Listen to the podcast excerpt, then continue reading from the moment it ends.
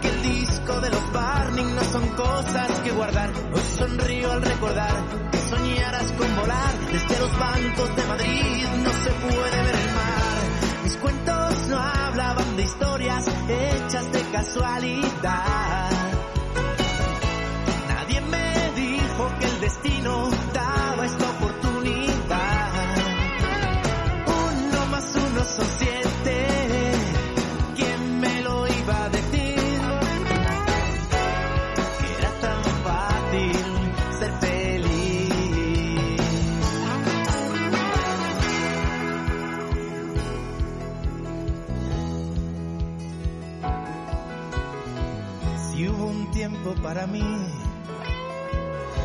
Para los seis.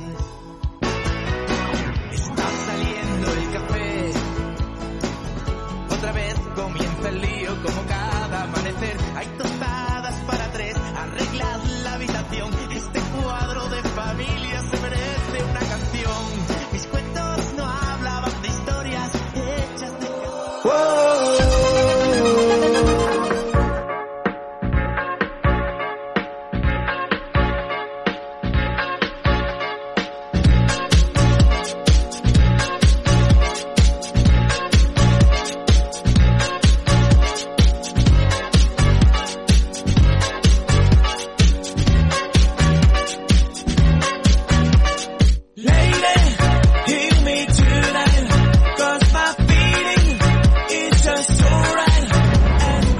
La veu de Vila. Tota l'actualitat a l'emissora municipal de Vila de Cavalls. Amb Marçal Llimona.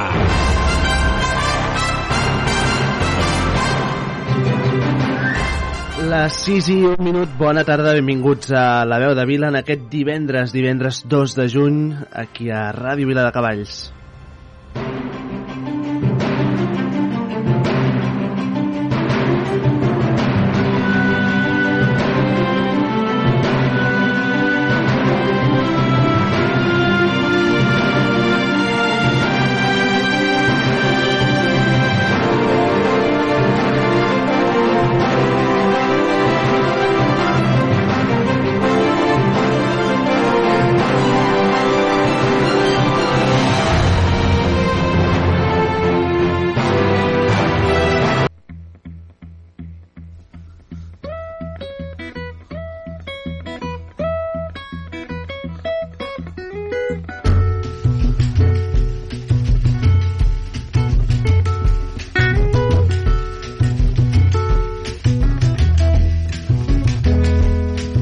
Singing all day, singing all night, singing 'cause I got this feeling and I... Les eleccions del passat diumenge en clau municipal i en algun cas en clau autonòmica ens deixen el preludi del que pot ser d'aquí un poc eh, d'aquí poc més d'un mes unes eleccions generals que poden capgirar el timó polític de l'Estat.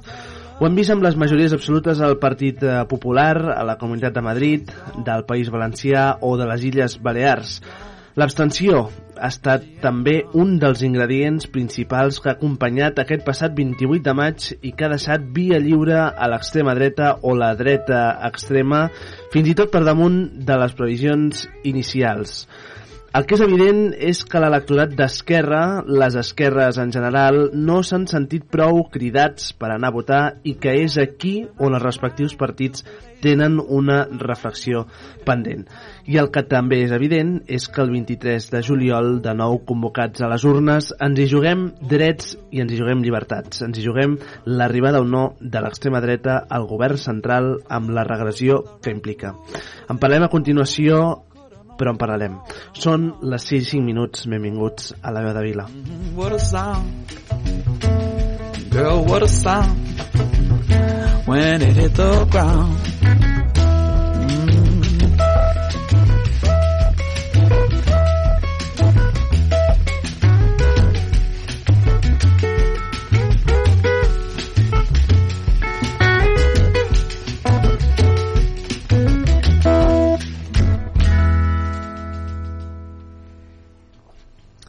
Vinga, va, són les 6 i 5 d'aquest divendres, divendres 2 de juny. Eh, anem a obrir micros i saludem a la, qui ens acompanya aquesta tarda. Antònia Moscosa, bona tarda.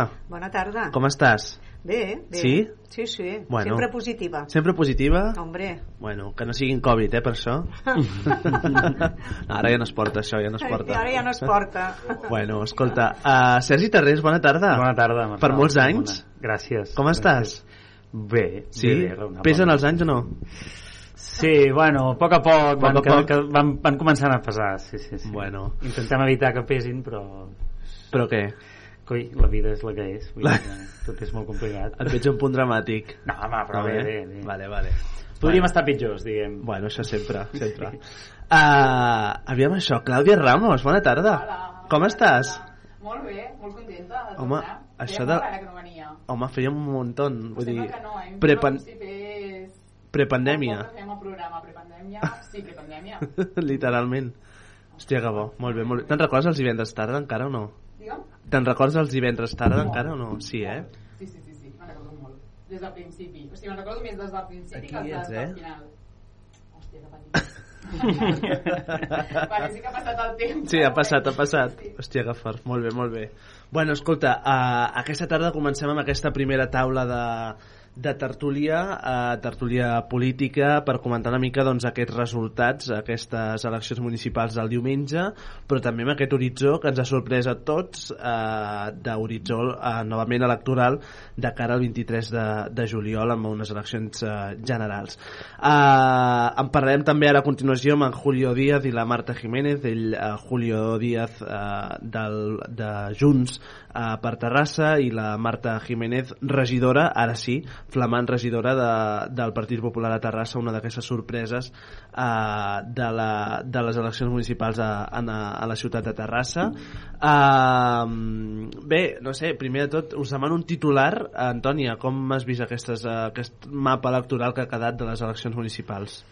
Mm, jo ho veig Arreu. des d'una perspectiva mm, que jo no hi entenc massa de política, com que la gent eh, s'ha quedat a casa.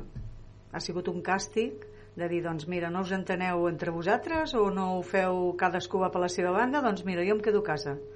I aquí és on jo dis- m'agradaria discrepar una mica i dir, doncs, eh, si, si tots ens quedem a casa, sempre guanyen els mateixos.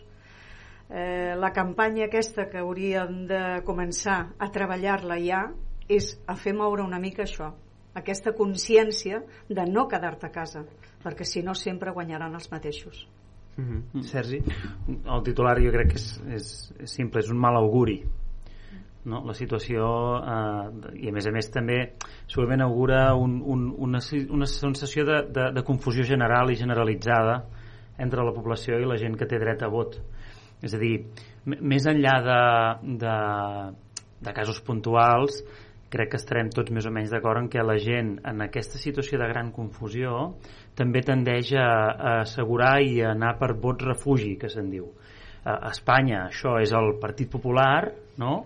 A Catalunya potser ha estat el PSC, que és com una mena d'alternativa aquí.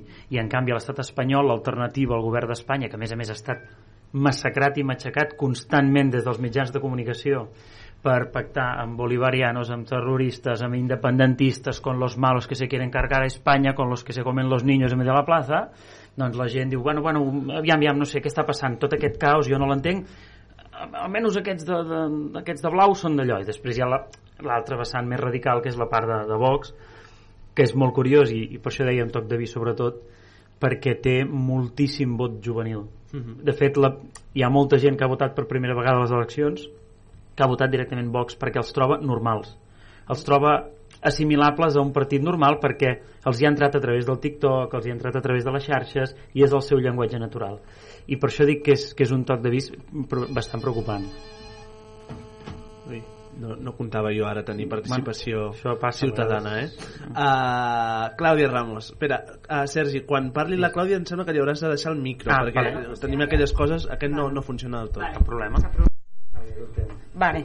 Um, a veure, els resultats, tant a nivell municipal com a nivell autonòmic, no em van sorprendre gaire, he de dir que més o menys ja m'ho esperava. El tema de Vox, um, tinc com una miqueta la sensació que teníem al principi de Ciutadans, no? que era un partit doncs, que veiem molt radical, que ens feia molta por.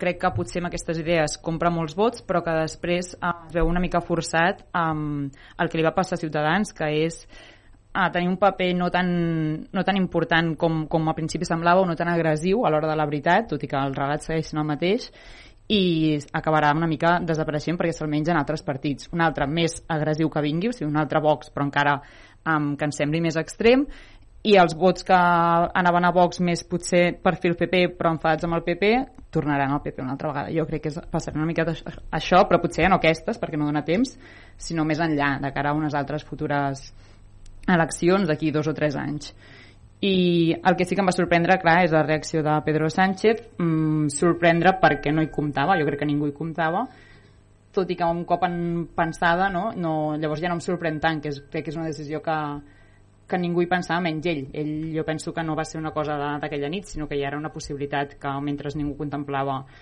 ell es va plantejar i, i que no li quedava gaire més opció, també, uh Mhm. -huh. crec.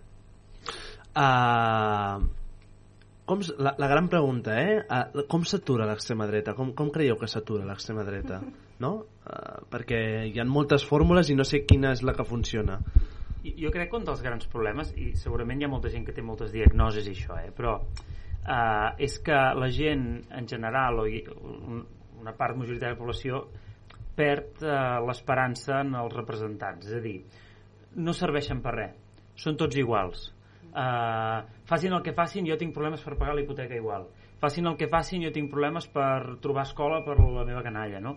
És a dir, quan, quan la gent perd l'esperança en els poders públics o en els representants que a més a més es presenten a les eleccions dient-los que si els voten amb ells els hi solucionaran tots els mals però quan arriben resulta que no poden perquè el sistema és molt pervers i no es pot um, al final acaben tirant per les so- solucions més populistes perquè a vegades el vot també a Vox, més enllà d'aquest jovent que per primer cop entra en el món de la política, eh, els voten com un vot protesta, com un vot antisistema.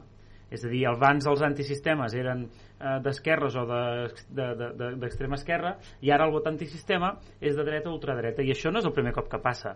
Ha passat moltes vegades. Um, bueno, moltes vegades no. Ha passat algunes vegades. I això és important. Llavors, quina és la solució? a veure, ningú la ten el que sí que jo crec que la millor de les solucions és que s'ha de provar de ser útil Uh -huh. s'ha de provar de ser útil, que, se, que se't vegi com, com útil, que realment serveix d'alguna cosa votar-te a tu i que eh, fas coses per solucionar la vida de la gent. També és veritat que és un debat molt tòxic perquè els mitjans de comunicació estan en mans de qui estan, que promouen marcs mentals molt perversos, etc. Deixem fer un apunt en relació a això que dèieu de lo del Pedro Sánchez que comentava la Clàudia. Uh, hi ha un factor que ningú sap, ningú, ningú, no, ningú hi atén. Però després de les eleccions del diumenge va canviar el panorama municipal, però també el panorama autonòmic. I està ple de parlaments autonòmics que van passar de mans socialistes de majories a, a mans del PP. Llavors això fa que ell perdi també la majoria al Senat perquè hi ha les designacions parlamentàries i si fins ara ja, ja tenia eh, dificultat eh, per articular majories, a partir d'ara hagués estat molt pitjor llavors eh, és un element de judici més que crec que, està, que és, és important Uh -huh. Bé, ara, ara sí donem la, la benvinguda a Julio Díaz de, de Junts per Terrassa. Bona tarda. Hola, bona tarda. I Marta Jiménez, flamant regidora electa de Terrassa, de l'Ajuntament de Terrassa, Partit Popular. Bona tarda. Bona tarda, gràcies per convidar-me. Com esteu? Vull felicitar el senyor Tarrés, que em sembla. Sí, home, i tant, i tant, i tant, i tant. gràcies, gràcies, gràcies per recordar-me un cop més que em faig bé gràcies, gràcies. No, no, no és molèstia. com sempre tan assertiva Marta. Sí, no, està molt bé, està molt bé. Mira, Ma Marta, faràs una cosa. Agafa el micro aquell d'allà i te'l, us el poseu... Serà per tu i el Julio, aquest. Haig de compartir amb el senyor Díaz? Sí, Està a la ràdio igual que quan vaig marxar, eh? Sí. Hi ha, coses, dos. hi ha coses que no canvien. Vale. hi ha coses que no canvien. En fi, uh, com esteu? Esteu bé? Bé, jo encara recuperant-me de, de, les, de la campanya electoral i que ha estat, ha estat molt intensa, a més m'ha tocat treballar dues campanyes alhora així que encara recuperant-me Sí, jo, jo... Dimarts em vaig reincorporar a la meva feina, em vaig agafar tot el mes de vacances per poder fer la campanya i estar-ho de carrer. I dimarts em vaig reincorporar i està sent una mica tot... Una mica una mica farragós, però bé, con- contenta. contenta. Les emocions, què tal? Nova regidora? Bueno, en el meu cas, um, nosaltres veníem de 4 anys d'estar fora de l'Ajuntament, de, de travessia per el desierto, i va ser molt emotiu, la veritat, tornar a entrar a l'Ajuntament i en el nostre cas amb dos regidors, igualant resultats amb Junts per Terrassa i Esquerra Republicana i per tant doncs, bueno, moderadament satisfets volíem més, lògicament però bueno, estem moderadament satisfets com dic Uh -huh. uh, anem a parlar una mica del, del mapa que ens ha deixat aquestes municipals. Uh, comencem per una de les uh, sorpreses de, de la nit electoral del 28 de, de maig. Uh, Aliança Catalana, amb Sílvia Oriols, uh, aquest partit de, d'extrema de, dreta independentista uh, guanya a Ripoll uh, amb regidors i també presència guanya presència uh, a Mollerussa uh, què us diu això, Julio? Bé, jo crec que parlem també d'una realitat molt concreta, que és la de, la de Ripoll, on a part de tenir un volum d'immigració significatiu, doncs han tingut una situació vinculada a la immigració que per tots coneguda, el cas de l'imam de Ripoll, vinculat als atentats de la Rambla i tot, que diguéssim que facilita molt el recorregut d'aquest perfil de, de partits. Partim també de que teníem un ajuntament amb un alcalde que portava molts anys amb un d'aquests alcaldes molt potents eh, que era en aquest cas de Junts per, Junts per Catalunya però, però bueno, en tot cas tots sabem que quan un alcalde és molt potent i porta molts anys i abandona, abandona el seu càrrec i passa el testimoni a un altre del seu partit el seu partit automàticament acostuma a perdre molta força. I jo crec que la suma dels dos factors ha estat la, la clau perquè, perquè això passés. Crec que no, no ens ha de preocupar molt més enllà del que, de la realitat concreta d'un o sigui, lloc concret eh, perquè de moment és una cosa molt circunscrita i, i jo crec que no és extrapolable encara o sigui, a una situació com la que es viu Vox, amb Vox. No, el que passa que sí que tenen principis eh, ideològics similars més enllà de l'adscripció nacional que tinguin no? i per tant eh, sí que estic d'acord amb tu que és un cas molt particular i molt, molt, molt de bombolla en aquest sentit municipalista d'on ve tot plegat però també és veritat que aquesta corrent o aquesta, aquest cicle de, de normalització de l'extrema dreta doncs també segurament ja, ja ha fet alguna cosa en això eh?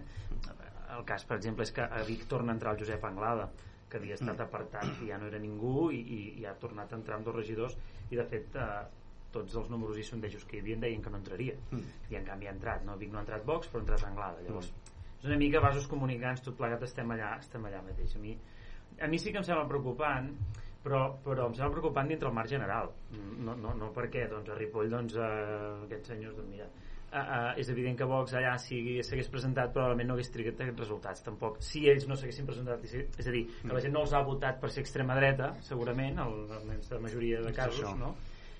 però mm, alguna mica d'aquest component segur que hi és també eh? Crec, una mica sí, sí, també ja et dic jo conec una mica de prop la, la situació de, de Ripoll en concret perquè conec molt bé l'exalcalde mm. i i no, o sigui, no, no és una situació eh, dic homologable la que es no, no, pot veure segur, amb, els, segur, segur, segur. amb els altres llocs també és veritat que sí que hi ha un factor comú a part de ser extrema dreta que és el, el factor de són els, un, els únics que han tractat el tema de la immigració des d'una certa perspectiva no?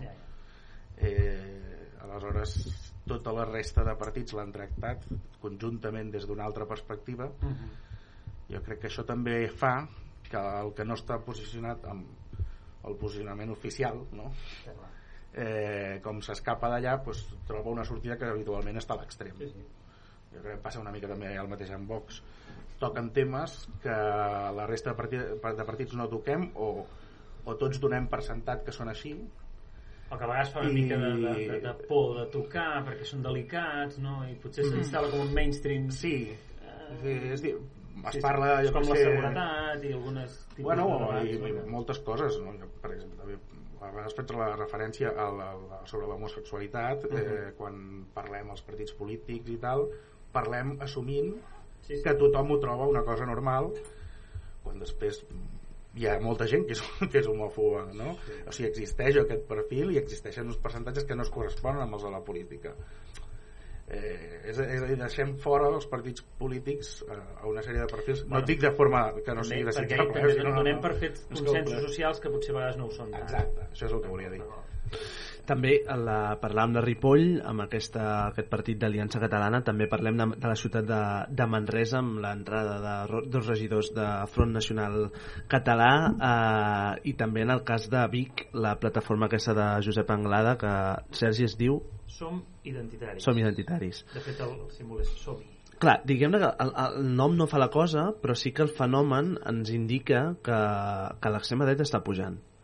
Uh, i l'extrema dreta entesa des de la branca doncs, més espanyolista com ho és Vox fins a la branca més independentista catalanista com ho és uh, Front Nacional Català Aliança Catalana no? Som Identitaris. Que hi ha una certa onada correcte que, que, exis- que existeix, que és una remor de fons i que ara, ara ho comentàvem amb l'Antònia fora de micro hi ha, hi ha moltes poblacions, segurament a la majoria que Vox hi ha entrat sense fer campanya Mm. directament Mhm. eh, i en canvi doncs, bueno, a costa de Ciudadanos a molts llocs eh, també i que també és veritat que Ciudadanos molts vots s'han anat al, PSOE, al PSC però sí que és cert que Vox escolta'm, jo, jo he estat treballant a, a la campanya Santa Coloma de Gramenet per exemple i no se'ls ha vist fent res no se'ls ha vist fent res de campanya en, en tot aquest temps i han tret dos regidors que és una cosa històrica a Santa Coloma de Gramenet no havia passat mai uh, i en canvi Sí, però mira, de fet a, a Terrassa, per exemple eh, Tercera força, eh? desapareix, desapareix Ciutadans eh,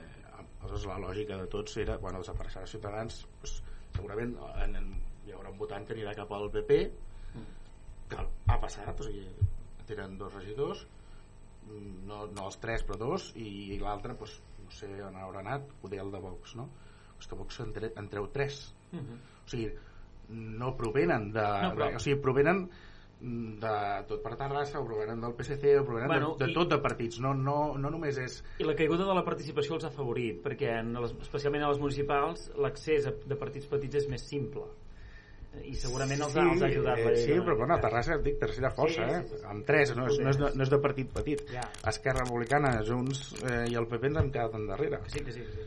Bueno, és que jo crec que això que comentava el Marçal de Ripoll i tots aquests pobles al final pas, ha passat a tot arreu, no és una cosa puntual de Ripoll o de Vic o no, Mhm. ha passat a una mica a, a totes les poblacions que ha entrat Vox, que bueno, Ciutadans ha marxat, hi ha totes unes raons darrere, no, no és perquè sí, encara que no hagin fet campanya. Al final mm, jo crec que el, el vot de la persona que pot votar Vox no ha canviat al llarg dels anys, simplement que ara ha anat a votar, els d'esquerres no hi han anat, Ciutadans ha desaparegut, hi ha com molts factors que ho poden explicar. Mhm. A, a què es deu aquesta, aquesta alta abstenció que es va produir el, el passat diumenge? A què ho atribuïu?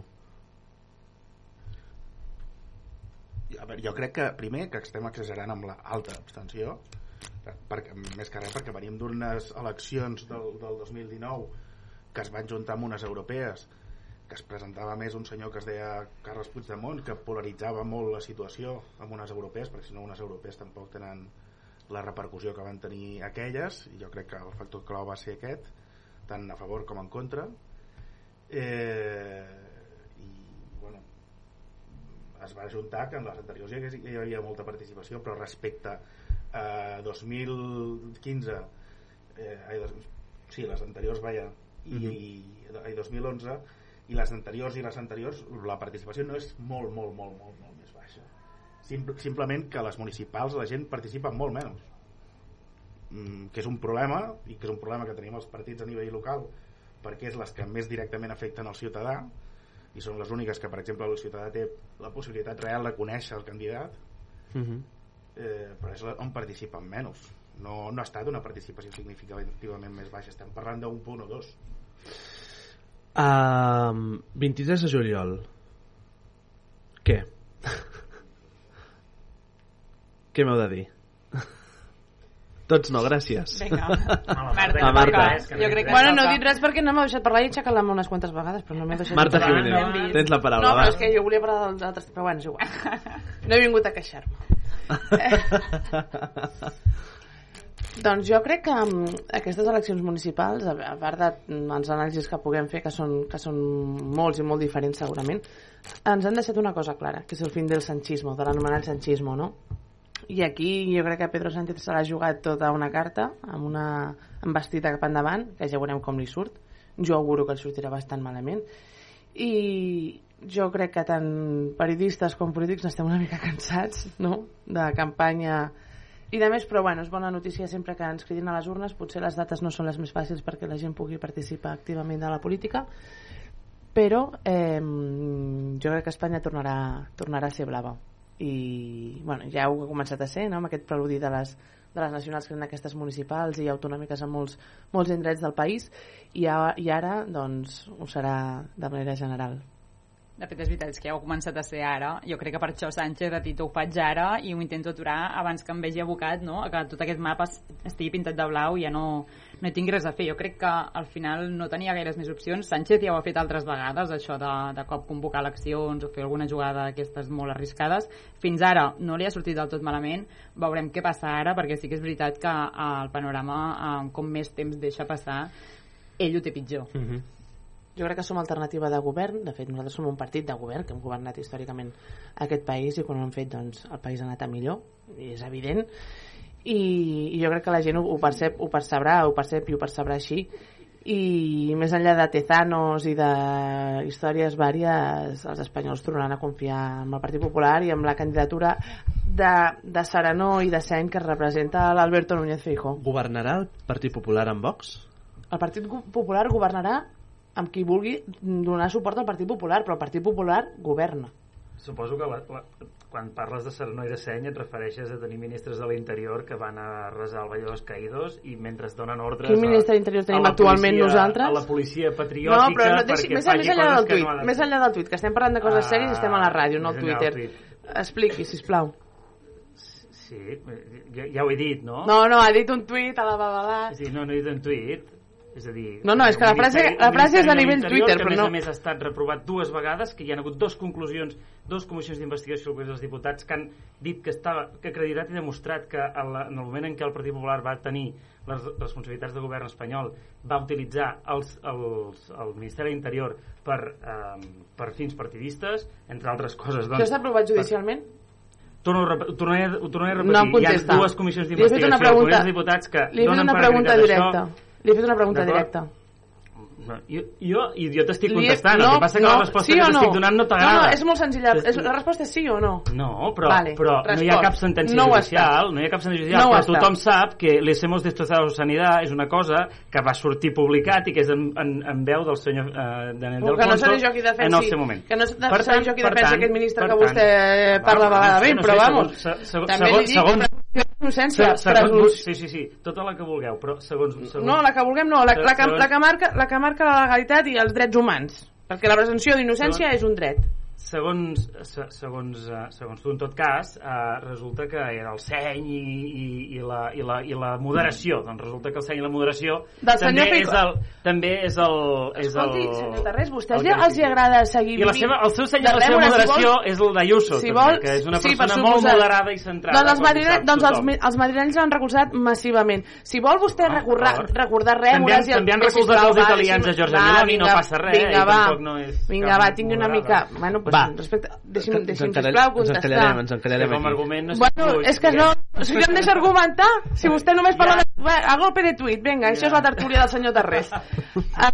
Com anava dient, jo el que estava parlant és de la serenor que, que, que simbolitza el president Feijó, que és el candidat, no, no, no sé de qui m'està parlant vostè, si vol parlar de Rèmores, recordem... pa- President del partit, no? Bueno, no, si no em deixarà. Acabarem, Si acabarem. parlem de partit, si vol, li parlo del passat del seu partit i de líders històrics com Carot Rovira, etc etc. Si comencem a parlar de passat, podem, aquí... eh? podem, no passa res eh? Bueno, doncs jo no sóc la que es va reunir amb qui no, jo no sóc la que es va reunir amb qui no tocava. ja, per, per es tant, deixem el... no tocava No, perquè jo amb terroristes no em es reuneixo. va, es, va, es, va, es va reunir per intentar que deixessin de matar diguem, Ah, tot que cas, es negocia amb terroristes. Bueno, ah, com Aznar no Com ho va fer com el Com, Partit com va fer el PP.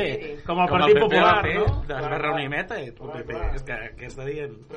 no, jo el que, el que estic... O sigui, És el partit que més vegades s'ha reunit. no, no és cert. Exactament. No és cert, però bueno, ens, vostè ens ha preguntat pel 23 de Sisplau, juliol. 23 de juliol. Jo el que dic és que Espanya recolzarà massivament al Partit Popular aquest projecte de Serenor i de Seny i que s'ha acabat a l'època de, del sanchisme que diu que no pactarà amb segons qui, menteix a tots els espanyols i, i pacta amb, amb segons qui i amb altres de pitjors. Va, anem a obrir... Digues, digues, Julio. Home, exacte. Com vostè han fet amb, amb Vox, que han dit que no pactarien i hi governen després amb Vox, a diferència. Quan hem dit que no pactaríem i hem acabat pactant Moltes amb ells. vegades. Digui'm Moltes una, vegades. digui'm Ah, una. el, el senyor Feijó s'ha s'ha fet tips de dir que no hi pactarà amb Vox El senyor Feijó està pactant amb Vox? No, però... Ah, és, que, és que diu unes... Perdoneu, eh, però diu unes coses que, en fi... Andalusia sí que ho va dir, que no pactarien ni per pactar. Però si a Andalusia tenim majoria absoluta, amb qui estem pactant a Andalusia si tenim majoria absoluta? Castilla, no? A Castilla, perdó. Sí. A Castilla no vam dir que no pactaríem amb... No. No. És que clar, dir, no, eh, no, no impactarem, però quan ja has fet Però és el que no és, pacte veri... però és que no és veritat. El què no és veritat? Que nosaltres hem dit que no pactarem. Sí, el senyor Feijó ha dit en més Quan? d'una ocasió que no ho farà, que ells no, Digui'm no, una. fa- no establiran Digui'm pactes amb data- l'extrema dreta. data- setmana passada. Quan? Setmana passada. sí, Bo, la, no, és molt eteri la setmana passada. Quan? No sé, miro les notícies cada dia, em Va, molt de, que, que quedarem, quedarem amb un debat estèril, va. Uh, Mati, anem a introduir alguna pregunta en aquesta tertúlia, va. Hola, què tal? Uh, bé, el, aquí li, li puc adreçar a qui vulgui? Uh, per exemple, el Sergi, va. No, la- L'Antònia ha dit que, i, i bueno, heu dit vosaltres, que l'abstenció ens va anar a la contra. Clar, és que el que no podem és que els nostres no ens donguin una opció per anar a votar. O sigui, eh, tinc la sensació que s'ha acusat molt a la gent de no anar a votar, però no s'ha analitzat per què no es va votar, no? O sigui, què ens donareu? Bé, bueno, jo sí que vaig anar a votar, no? Però una mica no podem donar la, la, la culpa a la gent perquè s'ha quedat a casa. La gent s'ha quedat a casa perquè potser no hi ha hagut una oferta que, que ens hagi interessat lo suficientment. No? I l'altra l'adreço a la Clàudia, que tant de bo tingués raó, però mm, Ciutadans va ser un invent eh, en un moment concret i amb un objectiu concret. Vox és una ideologia de dretes que està a tota, a tota Europa. Per tant, jo li veig una mica la diferència. Jo crec que Ciuda- Ciudadanos o Ciutadans, algú, no sé qui, el va crear en un moment donat, sabia que això passaria i el deixaria caure. Mm. I, jo no he dit eh, en cap moment que, que, que No, no, no ho ha dit, bueno, ho ha dit l'Antoni t'ho pre- ho pregunto. Jo, jo el que dic és que de fet, de fet jo he dit que si la gent no hi ha anat és, i la meva interpretació que és, és, és meva, eh, és una opinió meva si no hi ha anat és perquè probablement no ha percebut que cap opció fos prou útil per ells i per tant els partits s'han de s'han d'expremer molt la mullera per acabar veient com, com plantegen una, una, una política o un posicionament o, o, o com, com es visualitzen útils no? perquè la gent digui, ostres, aquest és el que he d'anar a votar no? perquè és evident que, que si no hi van n'hi ha que hi van n'hi ha que sí que hi van i voten opcions que els hi van a la contra pels seus interessos i per la seva pròpia Per identitat això és que, clar, el, la, la, la frase de si no hi vas manaran els mateixos, clar, però és que no és que manin els mateixos, és que potser hi ha uns que, que consideràvem els nostres que, que no percebem que siguin els nostres en aquest o, o moment. que no estan fent la feina pels quals se'ls hauria d'encomanar fer, diguem-ne, no? Sí, sí, és veritat, per això sí que certament que aquests, els partits polítics, especialment el que ha perdut més en aquest cas al Principat, que és Esquerra Republicana, doncs aquests dies està fent aquestes reflexions que és les que, es per, Ah. les que pertoquen fer, no? home, Només faltaria. S'hagués pogut fer abans també, bueno, per... No, però, clar, el que passa que a vegades han de passar es, certes es, coses. veia, es, perquè... veia, es veia venir, vull dir, les enquestes es veien a venir, donaven un resultat per Esquerra que baixaria, no? Sí, Eh, però no, sí. no d'una forma generalitzada ni amb aquesta pèrdua tan gran. Mm. Eh? Realment, realment, i aquí s'ha de dir, perquè les enquestes jo crec que han fallat a tothom tant els que han guanyat com els que han perdut és a dir, no han encertat gens és a dir, la bossa d'indecisos és tan bestial que les, les úniques enquestes vàlides són les que s'acaben fent a peu d'urna el mateix dia d'eleccions i ja ve just no? i cada vegada passa més això o sigui, hi ha una, és molt volàtil no? Això també respecte a les enquestes eh, el tema és que clar, parlàvem, veníem d'unes enquestes molt municipalitzades sí. I que també en el cas de, o sigui, no són enquestes vàlides com poden ser amb unes catalanes o unes espanyoles perquè les fas a cada municipi i a més a cada municipi amb la validesa que tenen. La dinàmica és diferent. No, i, i també amb la tècnica que tenen. O sigui, jo que sé, molts municipis fan enquestes que tècnicament no tenen validesa. Ta- la ten, et, et donen una idea com a partit és a dir, serveixen però no tenen validesa real Bueno, validesa tenen, el que no són fiables al 100%, però això és la... ho porta No, ni la mateixa tècnica de, No, no, de fer enquestes, no, no? sovint no, sovint no, perquè quan parlem de fer enquestes no és només preguntar gent, sinó després... no, saber la cuinar-ho. mostra, Eh, és, és exacte. com, fas, com fas tot el càlcul sí. posterior. I, per exemple, en les municipals es fa molt una, un tipus d'enquestes que se'n diuen trackings, que és que s'agafa un banc de gent i se'ls va re- preguntant regularment què votarien aquella mateixa gent què passa que a tu, per tu com a partit és orientatiu per saber si la, la, vas bé o no vas bé com a, o sigui, pa- si tens la campanya ben orientada o no però com a resultats no et serveixen per res perquè estàs parlant d'un grup de gent molt reduït i molt concret Clar, només és marcar tendència i prou. No? exacte, En o un sigui, mateix vull dir, dia... no tenen la mateixa utilitat diguéssim De fet, hi ha enquestes. trackings que es fan al matí i a la tarda. Sí, sí, no? sí. Dintre del mateix dia, no? I veus, aquest missatge que hem llançat ha funcionat, no ha funcionat? Però diguéssim que la utilitat és una altra de les enquestes en La municipals utilitat és per marcar tendències, Ah. evidentment. No, dic, no, sé si, Sí. no sé si la gent se'n va donar compte. Però sí que el que dic és que Esquerra Republicana sí que hi havia jo, jo crec que hi ha hagut un problema també d'expectatives és a dir, sí que hi havia una sensació de que hi hauria una, una baixada especialment a Barcelona val? això jo crec que ningú se li escapava i, i a la resta del territori del Principat ningú s'esperava això o molt poca gent, al contrari no? de fet, segur que en aquesta taula tenim companys eh, d'aquí del Vallès que no esperaven aquests resultats en cap cas, o la majoria de casos, no? Per tant, no era, no, això no és matemàtic, no és tan simple, no? No, jo, jo crec que Esquerra ha fiat tot, a, sobretot a l'àrea metropolitana, un tipus de campanya que sí que pujava, pujava, posava molt en joc tot. Sí, jo, per exemple, jo sí que és- creia és que, que faria una baixada, aquest tipus de baixada jo sí que la pensava a l'àrea metropolitana. No poder a un Lleida o un Tarragona, però a l'àrea Però metropolitana... relatiu, eh? perquè, per exemple, el Baix Llobregat ha caigut en vots el mateix Esquerra Republicana que el PSC, que és bastant consubstancial amb el que ha caigut la participació al Baix Llobregat. A, Mm. a, a, el Baix Besòs és diferent, no? Mm. I els vallesos també, però allà sí que és molt curiós. Mm. I això també és un dels fenòmens a estudiar de cara fins i tot al que pugui passar a les generals. Veurem, veurem. Eh, una cosa que també voldria dir, que això de que ens quedem a casa, eh, jo sí que penso que hi ha gent que es queda a casa perquè es vol quedar a casa, i punto. Eh, en, encara que et sedueixin i que et donguin moltes coses, però és molt fàcil quedar-te al sofà de casa sentadet i pensar ja m'ho solucionaran a vegades t'has d'implicar una mica i això poder hem de seduir a la gent d'implicar amb aquesta manera de, de fer les coses vale, jo t'ajudaré però eh, hem d'anar tots a remolque. Poder estar aquí el problema a seduir. Eh, llavors una altra cosa que li voldria dir a la Marta quan presentava que, que el sanchismo ja s'ha acabat i tota aquesta història Adéu, i que gràcies. governarà el Feijó ostres, Marta eh, és un partit corrupte hasta la mèdula Home, Antònia, no. Sí, no, home, no, Marta. no, no, no hi ha, no. no. hi ha cap tipus de...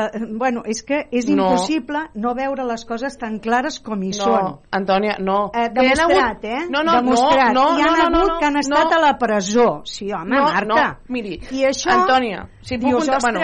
Defenses una cosa que dius, caramba. No, jo no defenso Eh, la corrupció. Antònia, no. No, no, per aquí sí. sí. que no, em sap molt greu, però Eh, no. llavors, no, jo no defenso la greu, corrupció. et sabrà no, no em greu, sap Marta. greu. No, és que no és així. greu. No, és que no és així, Antònia, Bueno, no és així. El. Partit Popular no és corrupte.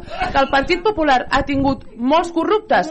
Sí, i jo sóc la primera que els condemno. I a mi segurament em cabreja més que tu. Perquè a més a més són els que han compartit sigles amb mi i s'han aprofitat de la nostra confiança i de la nostra feina. Sóc la primera que els condemna, la primera. I la primera que vol que estiguin a la presó tot el temps que sigui necessari. La primera i la que més. què no hi són? Cre- I tant que hi són. No, mira, el, el, d'allò, el de València, on està? El de València, quin? El, ja t'ho diré. El Camps. El Camps. Al Camps, al Camps hi ha una sentència que va sortir exculpat, eh? Vull recordar. I això no, i això no ha obert, i això no ha obert portades. I això no ha obert portades. I això no ha obert portades. La va morir vilipendiada i es va demostrar que era innocent. Per tant, no es pot dir... I el Partit Popular, el Partit Popular no és un partit corrupte. Que ha tingut corruptes? Sí. Malauradament, sí. No ho penso negar, no penso negar l'evidència. Hem tingut corruptes a les nostres filles. No, això sí que no. Perdona, i tant que sí que és igual per tots. I tant. Bueno, eh, doncs em sembla molt bé no estar d'acord, però el que és és el que és, i la justícia és igual per tots. No, no ens encallem aquí, no ens encallem aquí. Uh, Julio, El públic, bueno, pregunteu-li, que pregunti a algú. Ara, És- a- és, la justícia és igual per tothom? Mira, t'ho diré... Assemblea...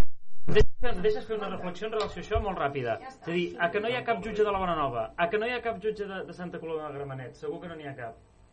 A que no hi ha cap, a que, a que no hi ha cap jutge... I posaria la mà al foc que no hi ha cap jutge d'un barri deprimit, de cap, de cap barri pobre del país. Doncs t'equivocaries. Doncs t'equivocaries. Presenta'm algun.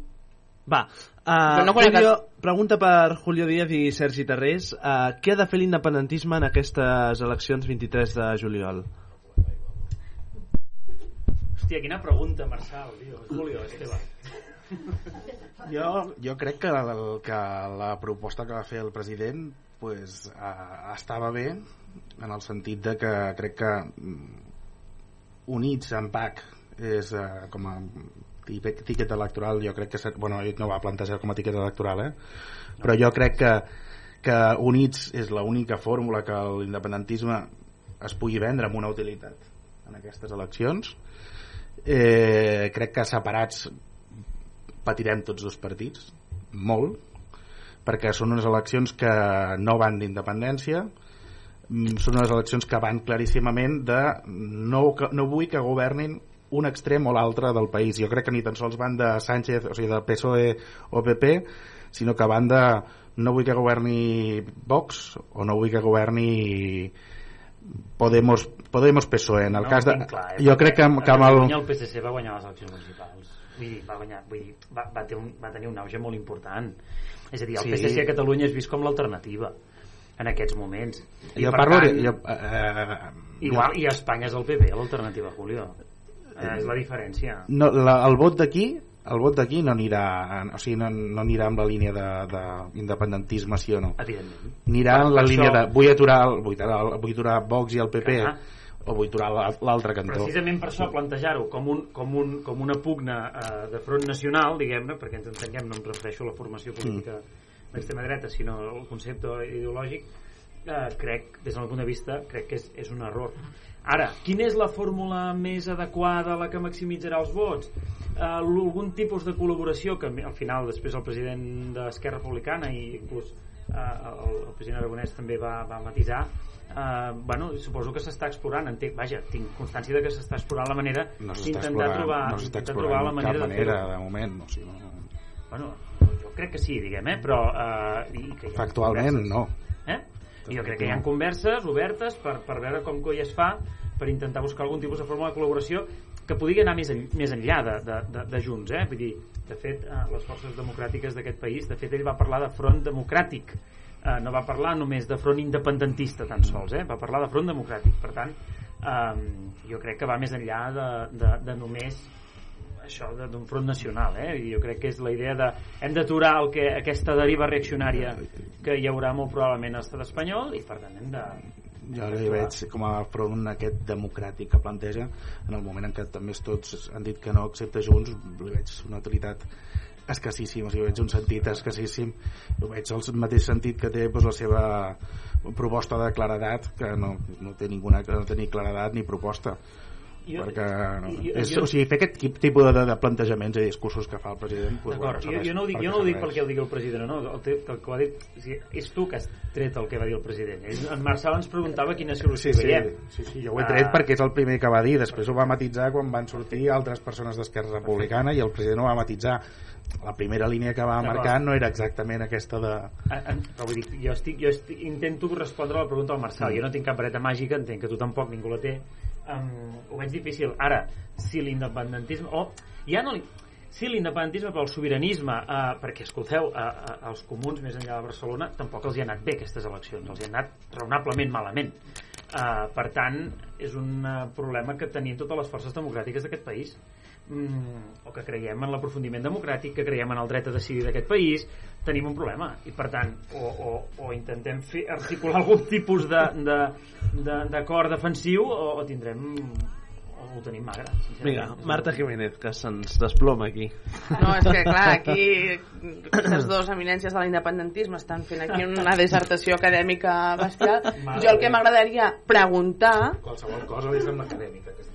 Sí, això també Va. era, era Marta. ironia, però potser vostè no l'acaba d'entendre, no passa res, jo li ensenyo després.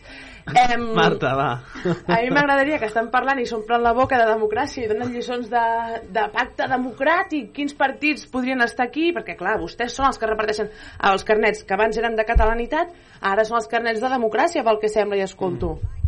No sé, contesti'm, senyor Tarrés. Sí, no, no ni, ni, ni una cosa és veritat ni l'altra tampoc. És dir, ni, ni, ni nosaltres hem dit mai que ser independentista és ser català i no ser independentista és no ser català mai, almenys jo, nosaltres no, jo no ho hem dit mai ni, ni, ni tampoc diem que ser independentista ser democràtic i no ser-ho no, no ser-ho, no hem dit en cap moment això. Està esquivant la pregunta de meravella. Que no, no, no, és que estic dient que no és veritat el que estàs dient. És a dir, jo No, no, he dit jo mai he fet- això, que per no, tant... jo no he firmat res, li he fet una pregunta. Vostès jo que no parlen de pacte democràtic entre els partits, quins són, segons Sí, vostès? Nosaltres el que, estem, o sigui, el, que, el que està claríssim és que pactar amb la dreta o l'extrema dreta o l'ultradreta no és anar a res que redundi en favor de la democràcia ni dels valors de la democràcia. En cap cas. Justament el contrari. La democràcia només pot ser d'esquerres. Per... Segons aquest plantejament, Torno, tornaré a repetir-ho perquè crec que, que, que vas Va, dient coses que i jo amb no això dic. acabem, Sergi. Torno, és que ho tornaré a dir. Vinga, va. Dir, tot el que sigui plantejar pactes de govern o executius o legislatius amb l'extrema dreta no va... No ara la dreta ja entra a la democràcia. Bueno, no, menys mal. no, no, no aprofundeix en res, en la democràcia ni en els valors democràtics. I amb l'extrema esquerra? Però és que què és extrema esquerra? Ah, que és extrema dreta. Digue'm, no, no, home, els que estan abogant cada dia per eliminar l'estat de les autonomies, el que, els que aboguen cada dia Només per exist- prohibir el català a les escoles, etc etc. Extrema només existeix a la dreta, a l'esquerra no existeix. Que són homòfobs, que són tot el que ja sabem que són i que fer veure que no, és mentida. A l'esquerra no hi ha extrema. Quina és l'extrema?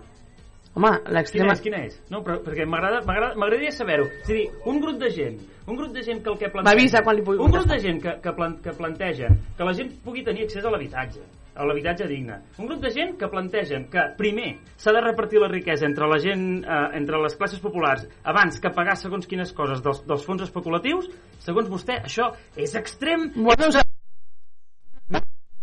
Com que segons jo? És que la trampa que es fa... De, No, la trampa és no de fer-me preguntes i contestar vostè per mi. No, Aquesta és la trampa. És que la trampa és dir, hi ha l'ultradreta que és tan mala com la l'altra izquierda. I això és mentida, perquè l'altra esquerra a Espanya no existeix. Ah. No existeix. Ni Podemos és d'ultra esquerra, ni Podemos no. ha estat mai. I això ho mai, sap mai. I això ho sap tothom. Les polítiques... Va, Ni- uh, acabem, acabem, va, Sergi. Ni són assimilables a Vox en cap escenari. És que ja està bé. Tres quarts i un minut No és trampa, set. però la tres quarts i un minut de vostè. set. Uh, Marta Jiménez, Julio Díaz, Clàudia Ramos, Sergi Tarrés, gràcies per, uh, per aquesta estoneta. Uh, Dieu-me, a- acabem una frase. Uh, com veieu la previsió de cara al 23 de juliol? Uh, previsions, previsions. Aviam si... Abstenció? Sí? 23 de juliol, una abstenció i platja. Jo sempre ho dic, o sigui, la gent es pensa que els partits polítics competim entre nosaltres a a la jornada electoral i realment competim amb la realitat. I el 23 de juliol no competirem junts contra Esquerra, sinó contra una cervesa d'un xiringuito. I amb això és difícil competir un 23 de juliol. Jo crec que Pedro Sánchez ha fet aquest últim moviment una mica a la desesperada a que la gent el vagi a salvar i jo em temo que no sé si li acabarà de sortir gaire bé la jugada. Potser no tenia cap altra opció. Sí, però tot i no tenir cap opció, l'única que tens pot no sortir Pot bé. sortir bé malament. Sí. Sí, home, sí que tenia més opció. Eh? Sergi, Marta. Aguantar. Sí, clar. Doncs aprofitant l'estiu que el mar és blau, Espanya tornarà a ser blava i... Blau-verd serà, no? No, blau, blau. Sempre hi ha ocasió. I, I rècord, jo crec, històric del vot per correu. Sí? Sí, sí, segur. No, home, això segur. I en això coincidim tots, veus? Sí. Vale, trobat- no hem trobat un consens. de fer frau del vot per correu. Que... Això són els socialistes, no? Que es veu que presumptament, presumptament, presumptament ho han fet, no? Ah, presumptament. No sé. Sergi? Uh, és que no ho sé. A mi m'agradaria que mm, res fos el que sembla. Diguem.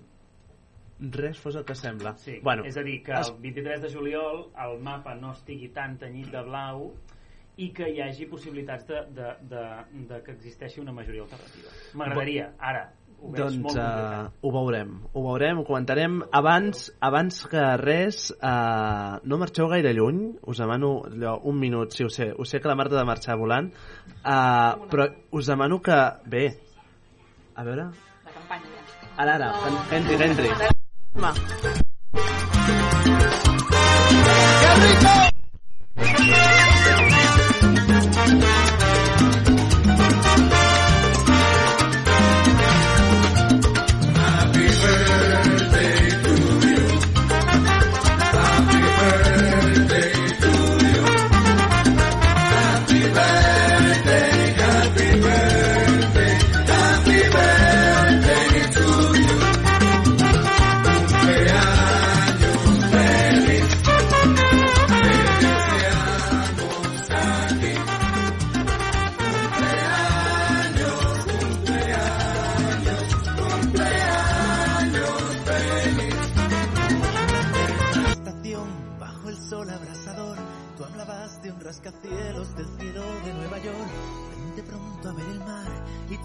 una postal, ya sabía que aquel día era el final.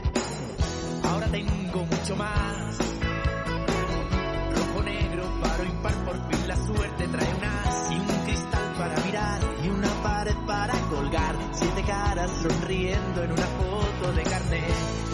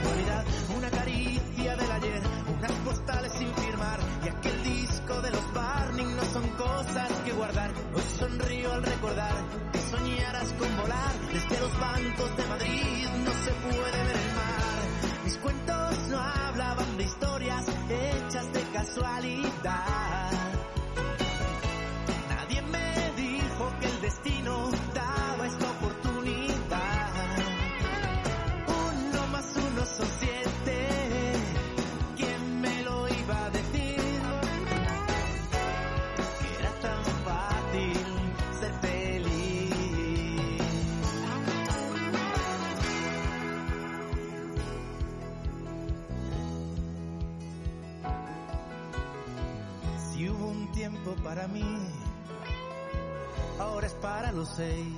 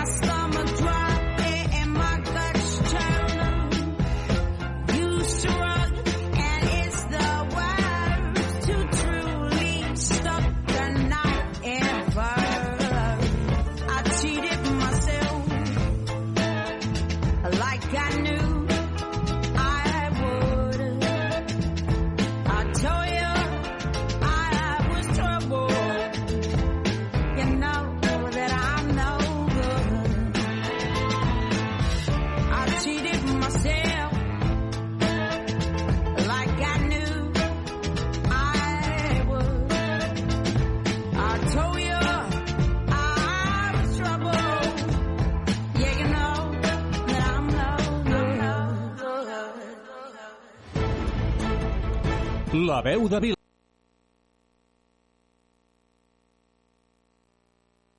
Un andén la estación, bajo el sol abrasador, tú hablabas de un rascacielos del cielo de Nueva York.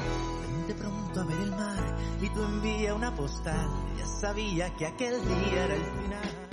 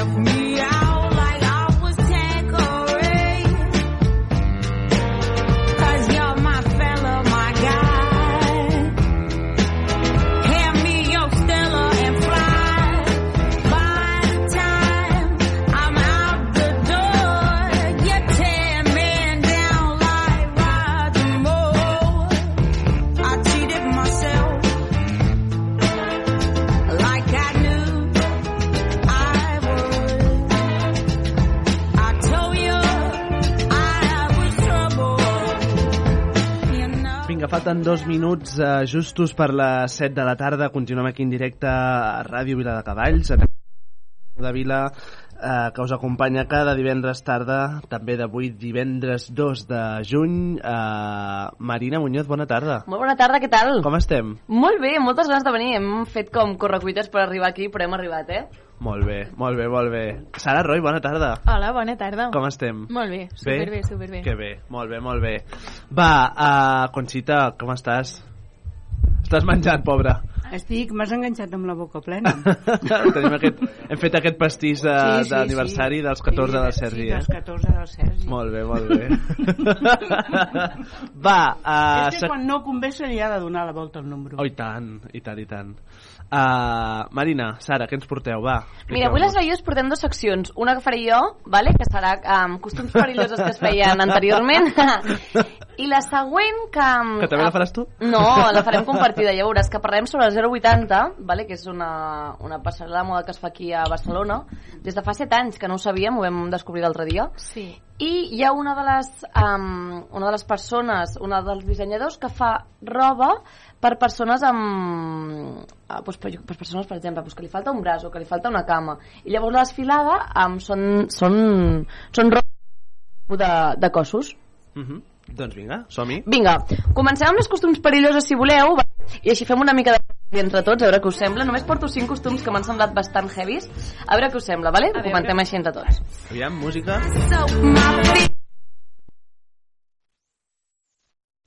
Vinga, som-hi. La primera costum, què us sembla si us dic que a tractar qualsevol um, malaltia amb cocaïna? Deixeu-me explicar això. Com? Fa 7 anys aquesta substància no es considerava um, tan dolenta com, com ho podem considerar ara i es podia aconseguir a qualsevol farmàcia superfàcilment. És més, es recomanava inclús pels nens com a somnífer i també per curar de tos i alleugerar els dolors del queixal. Però imagina't, et vas a trobar el queixal del seny i el, i el dentista et diu, mira nen, vine aquí que et faré una recepta, eh? 3 gramets I ale. i res, no hi ha paracetamol que no ho arregli. Com us quedeu? La Conxita es queda... Fort, eh? Pues Conxita, agafa... Podríem dir que és de les més lleus, lleus eh? No, no, jo és que no he agafat mai ni un gram. No, no, no. No, no, però vull dir, heavy, vull dir, ara que és algú com super tabú, no? Home, és fort.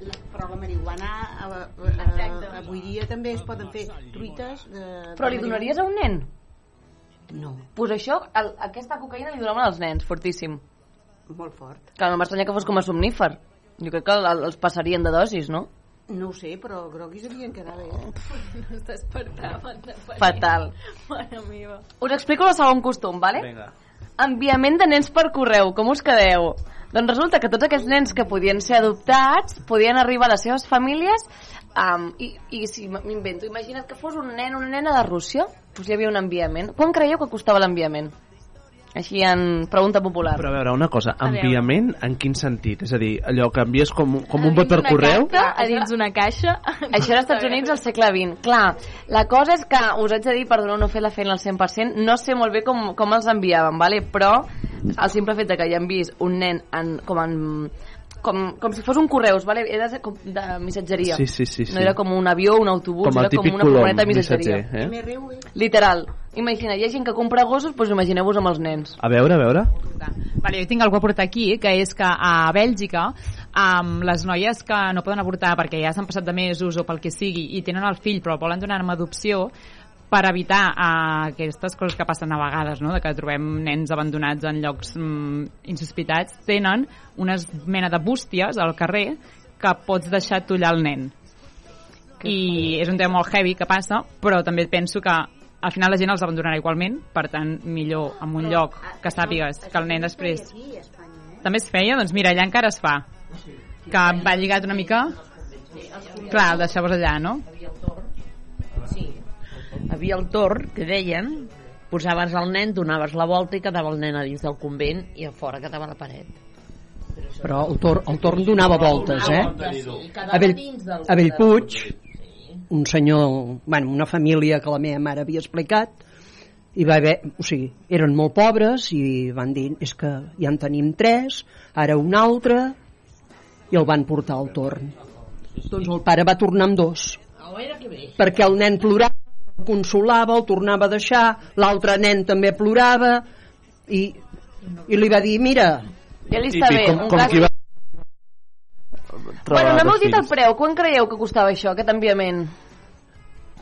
Enviament està... Venint del lloc. Anem a dir que el nen venia de Girona. Per comprar. A veure, Els enviaments. Els enviaments, sí. Podria ser molt car, no? Algú es mulla? Algú es mulla? 1,80 diu el Lluís. Vinga, us ho dic, 15 cèntims. Els nens, els nen, l'enviament valia 15 cèntims sempre i quan el nen no pesés més del que pesava un envio estàndard. Fort, eh? En sèrio? Us ho juro. Bueno, ens fiquem les mans al cap, però juraria que hi ha gent amb criaderos canviant els gossos per MRV i que arribi el gos com arriba. o sigui que... Ens anem amb la tercera costum perillosa, els gavis a les finestres pels bebès. El 1930, més o menys, a Gran Bretanya, es podia veure eh, com a les finestres hi havia com un anexa extra, que era com una gàbia feta de filferro, perquè la família, mentre es feia les coses de casa, el nen pogués sortir i respirar aire fresc. Bravo. No? Està bé. No, no ho veig malament, no? Sempre i quan algú que collés la, fine... la gàbia estigui quan la collés bé, perquè si no veient surt, no?, d'aquí de, de, de dalt a baix. La quarta costum perillosa, que bueno, ens ficarem les mans al cap, però, però per desgràcia encara passa. Fumar durant l'embaràs. Fa 70 anys els doctors dels Estats Units ho recomanàvem.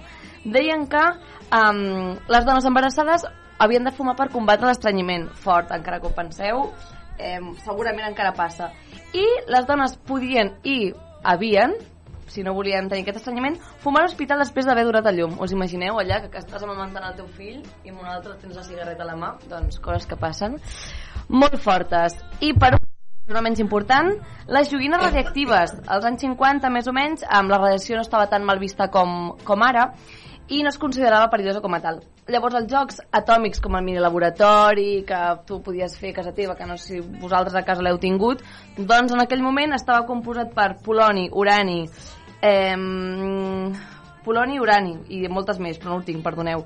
Però per suposar, a dosis microscòpiques, però bueno, vulgueu o no, pues, no deixen de ser joguines un tant estranyes, si més no. Així que, bueno, què? Què m'expliqueu? Què us ha semblat? Xerro ràpid, eh, ho sé. Jo també dic una cosa. Amb el tema dels, dels nanos, això que deies de les gàbies, Mm. eh, jo me'n recordo que quan els meus fills eren petits, eh, després de passar un ensurt de tres parells de nassos, per dir-ho finament, vaig optar per comprar, comprar uns tirants amb una corretja. Ja. Perquè a mi em feia pànic. Vam anar un dia a Montserrat i, escolta'm, a- aquells corrien més que jo. I jo, escolta'm, tibada i de cul a terra. Mm, Clar. Perquè eh, amb tanta gent i aquells, mm, bueno, els meus, que eren tots dos més moguts que, que, que el cul de Jaumet, doncs ja m'explicaràs si fas una cosa d'aquestes. Abans que es perdés el criu, tirants i tibada de cul i sentada. I tant. Bueno, jo he de dir que la meva mare sempre m'explica la mateixa història de que jo era com un terremoto quan era petita. Sortim al cotxet i que m'escapava, o sigui, literal, trencava tot, m'escapava i havia de comprar com un arnès enorme com que em lligués allò lo màxim i que no em podien treure. Um, escoltant les vostres anècdotes, um, una fort aplaudiment a tots aquells professors que se'n van d'excursió amb els nens de P3 i només l'única unió que hi ha és la corda Mare amb meva, les... amb els nens que tu confies en que cap nen es deixarà anar d'aquella corda. Sí, sí, agafeu-vos fort. Jo m'apuntava a totes les, excursi- les excursions del, de les classes dels meus fills a les Salesianes. I es portaven bé o no? Ni us imagineu el que comporta vigilar ho veus? És el que et deia. Avui no... A tantes criatures. Jo els hi deia, quantes mares anem, per favor? Perquè mm, mm, amb la professora i que vagi jo, mm, havien que... A veure, qui gobierna tot este... No, no, és fortíssim, és que s'escabulleixen. És molt fort. O sigui, jo també vaig estar treballant en el món del lleure i, i una cosa és d'excursió, però quan entren a la piscina, allò és... Sí. No els veus per enlloc, un enfonsat, un timant-lo per aquí, l'altre timant-lo per allà. Les colxonetes aquelles de la piscina que als nens els agraden tant, que són com enormes i es Sí. a sobre, mira, fent submarinisme tot el rato per veure si algun nen s'havia quedat a, a sota, bueno, dramàtic. Jo quan portava el meu... Només era buscar el gorro blau, el gorro blau, el gorro blau. Avui anàvem per Sabadell. Eh? No, no, blau marí. Groc fluorescent. Però aviam, t'estic parlant de, jo què sé, 18 anys enrere. I, i, i un blau cantón, que... Sí, sí, sí, sí. No se'n va ofegar, eh? Avui anàvem per Sabadell i li he dit a la Sara, eh? Sara, que estigui tornant el seu fill de, de l'escola i sigui feliç. Somrient. Estan tots així, super serios. Fins aquí, alguna costum que heu tingut vosaltres de petits, alguna cosa, jo que sé, el meu pare recordo quan era petit de, de dir-li, però no, no me àvia, eh, sinó com una costum de poble, que crec que era com un, gosset, un gotet de vi dolç, que vinga, mulla't una mica els llavis, que ara, vamos, els pares així, aquests pares que són molt tirites, saps? Allò com que, que no li passi al meu fill, eh, això ara no es podria fer. Crec que mm, la meva tieta i el meu pare sempre com berenaven pa amb vi, no? No sé, Sí, pa amb vi i sí, sí, sucre. sí. Pa amb vi. Ho Bueno, heu fet? Jo crec que vaig créixer amb el pa amb vi amb sucre. I a molt petita eres?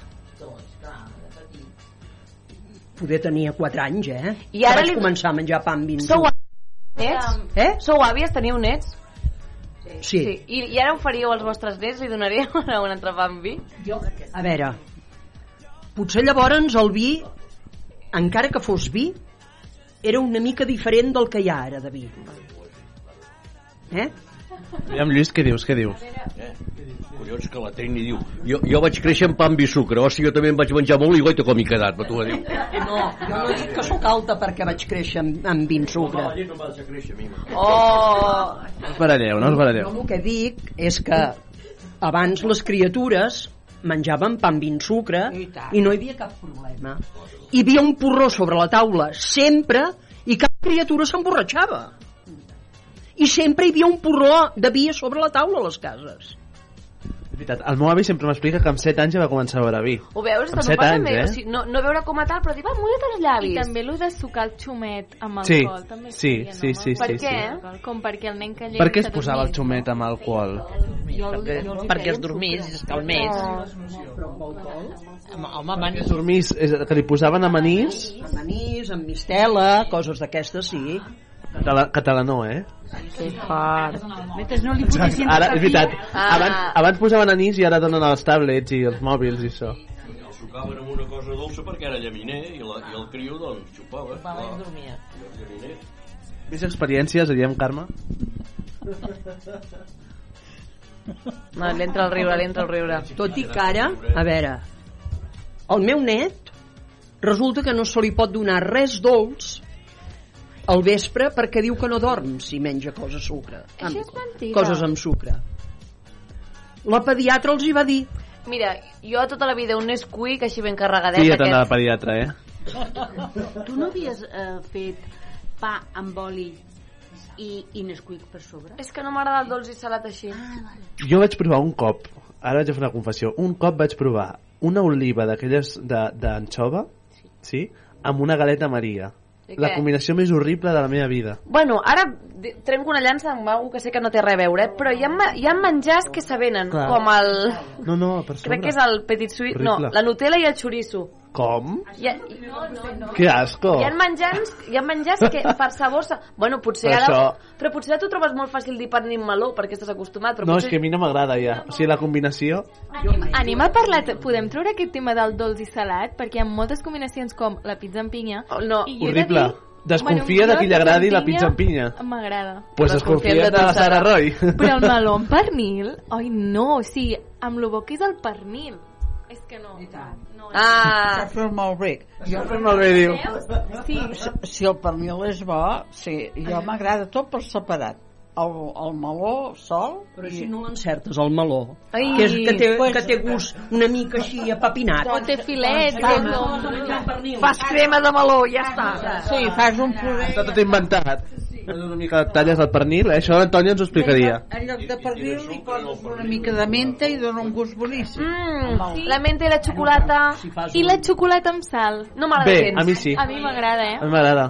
Hi ha un torró que és de xocolata amb sal que és boníssim. Boníssim. Sí, doncs en tinc a casa, avui te l'emportes, però t'ho juro Jo que no Que m'agrada. tinc mal de panxa, jo. Oi... Combinacions, maduixes amb anxoves. Maduixes amb anxoves. Ah, sí. Bueno, o amb vinagre.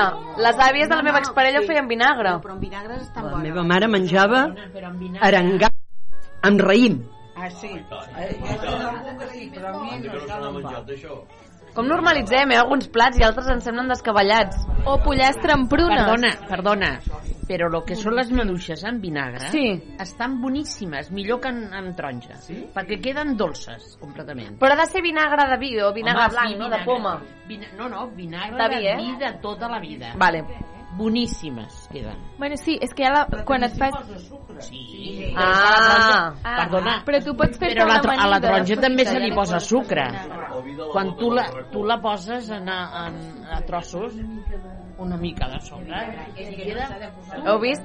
Se'ns ha marxat l'Antònia, que ens, havia, ens hagués pogut donar 3.000 plats. Has vist? Els miserables són molt importants, nena. Ningú vol dir res, ara. Ah. Tothom menja molt bé i molt normal, eh? Escolta, el que parlaves del tabac... Eh? Ah, sí, sí, ara pensava... No, perdona, sí, sí. el tabac tota la vida és ara quan fa uns anys que no s'ha fumat i semblava que no, no podien viure Correcte. sense fumar però als hospitals s'ha fumat sempre I als avions? i els metges te, tenien la consulta i estaven fumant no és, que, no és que tu anessis allà fumant no, ell fumava i acabaves de parir i el metge s'hi entrava, entrava fumant i entrava fumant que fort. i l'home fumava al teu costat estava al teu costat, si fumava, fumava També crec que agraeixo que això hagi canviat una mica, no? Potser... per això és que el tabac No? s'ha fumat ara no, Home. gràcies a Déu ja s'ha... Que per cert, aquí on tenim Sara Roy, vas fer una entrevista tot just l'altre dia parlant sobre el tabac. La setmana de Sense fum de Cardona, sí, vam anar a xerrar sobre els hàbits saludables. Però davant d'adolescents, eh? Et queda en família aquí. Bueno, és que o sigui, jo crec que ha canviat, bueno, com vam parlar a la xerrada, crec que hi ha hagut un canvi de mentalitat, sobretot en els joves, que quan jo era jove, jove, um, Com vulguem dir que ara no. Quants tens ara mateix? més jove. Sara Roy, 26 anys. Bueno, quan. Benvinguda. 10 anys enrere tots els joves creiem que oh sí, qui fuma és guai i hi havia com una mica de marginació en aquest sentit era com si no fumes, si no veus no, no, no pots entrar al grup o coses així llavors jo crec que ara hi ha com molt més la mentalitat de hosti, anem-nos a cuidar és molt important tenir una bona salut uns bons hàbits i crec que està com molt més mal vist suposo que les coses també han anat canviant molt més però que crec que s'està avançant surten noves coses? Ah, sí ah, Perquè perquè, surten- vosaltres sabeu el que és un vape? És fort, eh? L'altre dia vaig sortir per Twitter una nena de 10 anys que feia la comunió que li regalaven els vapes. Mare meva, no. Molt fort, eh? Amb 10 anys, de regal de comunió. Jo regal de comunió recordo un MP3. I uns diners que... Un joc de la Nintendo DS. Mira, una cosa, una cosa, perdoneu, eh, perquè... Ai, espera, espera.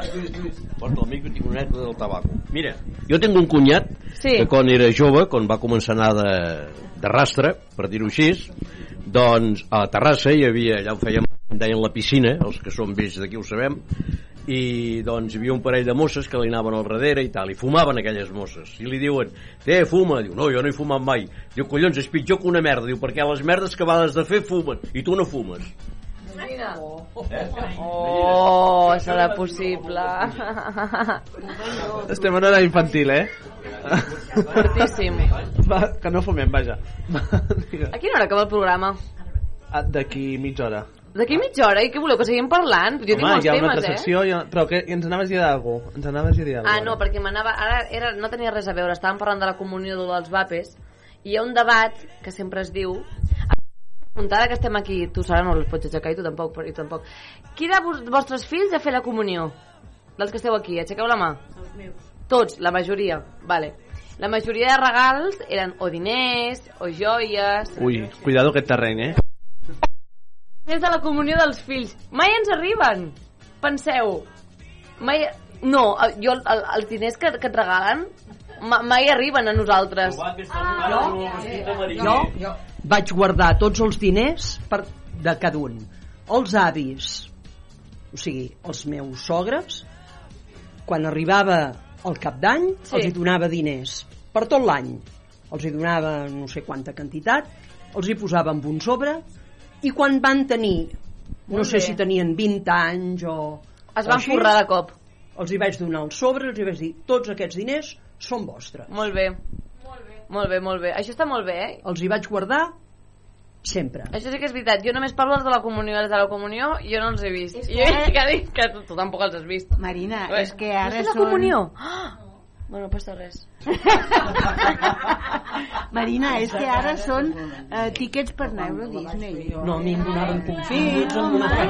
si no donaven... Que fort. No me'n donaven de diners. Bueno, jo crec que es perden... Ningú, eh? Però d'aquesta manera, no només de la comunió, es perden molts diners pel camí, de quan ets petit i et diuen sí, et donem diners per comprar alguna cosa. Home. Bueno. Aquí, aquí hi ha una doble tertúlia, se'ns estem perdent. És que ni una pesseta et donaven, llavors. A la comunió. Xeta de confits, et donaven... I, I molts et deien que tinguis... Ai, estàs molt guapa. Eh? Va, més coses, més coses, Marina. Re, comencem una secció. Carme. Expliquem la del 080. Sí? Do- Dono jo la intro i després tu fas el, la valoració. Words don't come easily. Vinga, 6 i... Uh, 7 i 18 minuts. Uh, Sis i mitja 7, hora. 7 i 18, 7 i 18. Va, som-hi. No, 7 i 18, no? 7 i 18. Can I hold you tonight? Va. que ja és divendres. El nom no fa la cosa. Vinga, va, comencem amb l'última secció i per tancar la nostra carrera amb la Sara parlarem de la 080. Vinga, moda, eh? La 080 és una passada de moda que es fa a Barcelona i mostra les col·leccions de 25 marques del recinte modernista de Sant Pau. Ah, deixa el 2007, vale? i parlem de que és com la setmana de la moda catalana. Vosaltres passegeu per allà i bueno, sembla que ara Catalunya és com Milan. Doncs cada any se superen fent coses diferents, ja que hem tingut des de la moda sostenible, com La desfilada de Riborn. Correcte. Que estava feta amb roba de segona mà i va ser xulíssima perquè és que a mi em va sorprendre molt, eh? O sigui, clar, roba de segona mà desfilaven, però no era com que portaven simplement la roba de segona mà posada. No, no, és que amb la roba de segona mà havien fet nova roba. És a dir, amb, amb quatre mocadors van fer un top d'una noia com enganxat amb el coll, com que penjaven les tires com del mocador, increïble, xulíssim. I crec que amb una, dos camises lligades van fer un vestit molt xulo també. Correcte. Bueno, coses molt maques. No, no, vull dir que sí que sempre que pensem en, en roba de segona mà, doncs t'imagines posar alguna més desgastat, més trencat, no direm brut, però sí que és diferent. Però la veritat és que, bueno, no ens oblidem que és Catalunya i Barcelona, la setmana de la moda. Em, però no oblidem que també aquesta passarel·la també ha de ser diversa i inclusiva. No només parlem de diversitat de cossos, diversitat de talles i diversitat de gènere, sinó que també parlem de la diversitat funcional, un concepte que és molt important, perquè quan us, us parlo de passarel·la de moda, de moda, estic segura que cap de nosaltres pensem en les persones que van en cadira de rodes, o que li falta un braç, o que li falta una cama. Llavors, gràcies a, um, aquest any, s'inclou Free From Style, què és um, aquesta marca nova, aquest disseny, que més té pàgina web, que és Free From Style igual, i és una marca que dissenya per persones amb, amb diferents discapacitats. Um, llavors, llavors, llavors, llavors... Coses importants que té aquesta marca, per exemple. Jo no ho hagués pensat mai, doncs, um, si us fiquéssiu a la seva web trobareu com unes faldilletes, que en comptes de ser una faldilla com les que nos, coneixem nosaltres, doncs porten una cremallera a la zona del cul, doncs per ser molt més senzilla, doncs a l'hora de canviar si et porten bolquers, o a l'hora d'anar al lavabo. Eh, hi, hi havia també com uns... Et diré que, que és com una túnica, clar, perdoneu perquè jo no em sé el nom exacte, però seria guai m'estar el poder contactar amb elles i portar-les, perquè és un moviment molt xulo no és com un babero, però és com una túnica gran que tu pots amagar el teu braç o pots amagar la teva pròtesi o no tens per què amagar-la. Però crec que és com un moviment molt xulo i, i està bé perquè moltes vegades s'ha cregut en el concepte de eh, quan tu estàs en una passarel·la eh, s'ha de lluir la roba amb un cert cos i no és veritat vale? perquè la majoria d'aquestes models van des desganades, sense ganes i més sèries. I aquesta penya pues, crec que és, és guai donar-li aquest tipus de visibilitat. Total, i que vam veure pues, models molt diverses. O sigui, des de ja no només amb diferents cossos, sinó també diferents edats, que jo crec que això va molar molt, perquè hi havia gent gran desfilant, però hi havia gent molt jove, mm, gent de mitjana edat, no sé, molt ben fet. I, en aquest sentit. I sobretot reivindicar una cosa, prou ja de posar models amb super, super, super consumides i demanar eh, uns tallats, o sigui, però ja no són cossos reals, hi ha noies que estan primes i està correcte, perquè també existeix la gent amb, amb, amb doncs, prima, però també existeix una talla 38, 40, 42, etc etc etc. Vull dir, no pot ser que jo entri... Clar, bueno, però, però és que i també està bé i també està correcte. No pot ser que jo entri el mango violeta, ai, el mango, i hi hagi la col·lecció violeta per talles grans, que és una 38 i jo hagi de ser un mango violeta. I llavors, això en el fons a mi no m'importa perquè jo no tinc un desordre eh, mental, però pot ser penya de la meva edat o més petita que digui, hòstia, mango violeta potser és de persones més grans o, me, o més pes, i això està, és super xungo. Llavors, hem d'anar molt ja, en és compte. que com posar etiquetes això, o sigui, per exemple, el del mango violeta, parlem-ne, És eh? superturbi. Perquè, sí.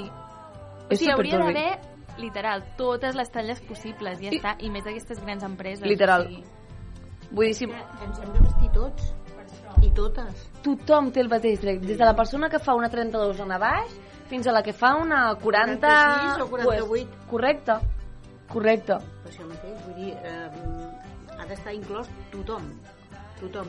No el que, estigui, el que tingui uns quilets de més ha de ser un, un que tu no et puguis que no puguis posar-te una cosa o que no puguis anar moderna o que no et puguis Correcte. voler lluir vull dir, mm, no ho sé quan veus aquelles noies tan d'un estereotip eh, consumit Perquè i, i, i, i van d'aquella manera que semblen mm, que estiguin desfilant mm, la Gestapo?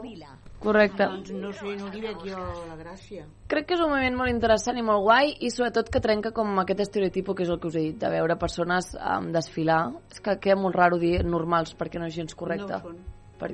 no, perquè tothom és normal. Saps què és un normal? El que estem acostumats, no, no és veritat, no hi ha una normalitat però està molt guai i crec que ens ho vam passar molt bé no només en aquesta sinó en... en... tu quina vas anar? Eh... És que vam Scorpion Anar, sí, vam anar a Scorpio, um, vam anar a Dominico, És que molt també guai. va ser molt xulo. A quina més vam anar? Tu vas anar a Míriam Ponsa. Vas anar? No, vaig anar a Txell Mires i Ah, um, sí. un noi que és molt guai que es diu Víctor Bonsuarc que també va portar diferents cossos i diferents registres molt bé, encantada, o sigui, vaig aplaudir molt i els que no els van portar no vaig aplaudir perquè ho sapigueu.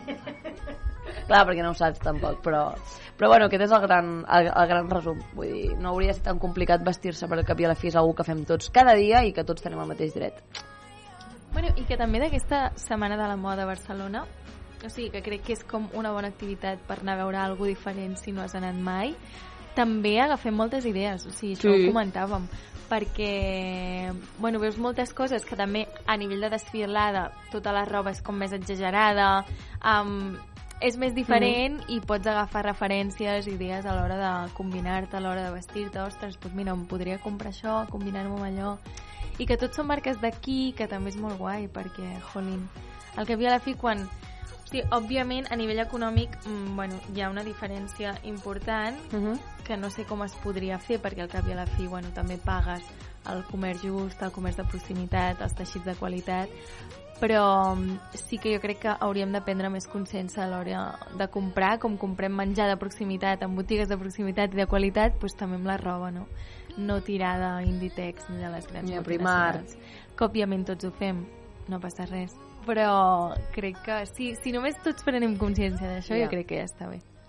Molt bé, doncs aquest seria el nostre gran resum. Marcel Llimona, què et sembla? Em sembla estupendo i un gran, un gran tema, el tema del tallatge, de, la, de moda, de... Amb els nois com, com ho gestioneu? Perquè sí que és veritat que és una que parlo amb les noies, però tu, per exemple, et trobes que, m'invento, eh?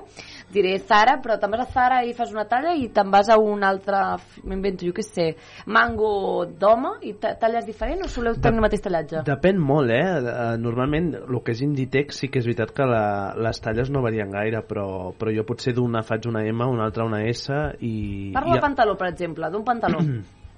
pantaló faig molt la mateixa La talla mateixa tot arreu, talla? sí, entre 40 i 42. Vale. No sé si sabies que, per exemple, jo a Zara puc fer una, a veure que faig una altra, Clar. i a Stradivarius una altra. Mm. I això a nivell mental a vegades frustra. Ja. Perquè tu vas pensant una cosa i dius, ah, això és que m'he engreixat? No, no, no. no. Ah, això és que he primat? Oh! I és com, mm, pensaments intrusius molt estranys. Penseu que cada fabricant té el seu tallatge. Clar. I no tots quadren amb el mateix. De, de Zara pots trobar una, una talla i, i, i, de, i de Mango en pots trobar una altra. Clar. Possiblement mm, és el model i la talla. Clar. Us preocupa el tema dels tallatges per aquí? A mi ara no. No, a mi no gaire, però entenc que pugui preocupar i a mi no em preocupa però no entenc perquè també em passa això que li passa a tothom de que cada botiga faig una talla diferent no em preocupa però em ratlla perquè he d'estar provant-me tres pantalons per saber quina talla és Literal. de 32 o Literal. 36 o 34 o 38 és que clar, no tinc ni idea llavors no em preocupa més enllà però hi ha gent que sí que li preocupa i, i no hauria de ser no ha de costar tant establir una talla fixa Correcte. o una manera de fer-les i ja està Clàudia, agafa tres pantalons 36, 38 i 40 clar, és el que faig però és un pa arribo al provador amb tres talles de tot Sabeu què faig jo i és un truc, però no sé si està realment comprovat? Imagineu-vos que això és el pantaló, vale? Llavors, me'l fico al coll i depèn de com et cassi, si tanca bé és que et va el pantaló. Si, si et caça llarg és que tenia llarg i si no et caça és perquè tenia curt. Oh, el pantaló. Sí, però avui literalment ho hem provat. Veurem a veure si funciona. Però a mi sempre em va bé. Llavors, si veig que em va just és com... Mm, ara me l'haig de provar perquè no estic molt segura. Però sí, sí. I fins aquí la nostra Molt bé. superxerrada. Fantàstic. Un aplaudiment per a aquestes Molt dues bé, noies, sisplau. som-hi! Has vist? No, Sara, calla, no diguis improvisat. Ai, estava buscant, però ara no ho trobaré, eh? Um, lo dels barbarismes. Però Va, com ho acabem això? Com ho acabem? Què? Fem un joc de barbarismes, Va. creieu? Català. Sí? Necessites temps? Sí. Podem fer un minut de publi. Vinga, perfecte, doncs fem-ho, va. all that you can say. Years gone by and still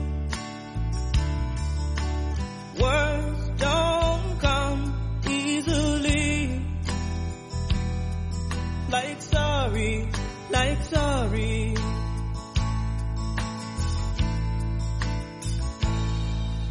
Forgive me. It's all that you can say. Years gone by and still words don't come easily. Like forgive me, forgive me.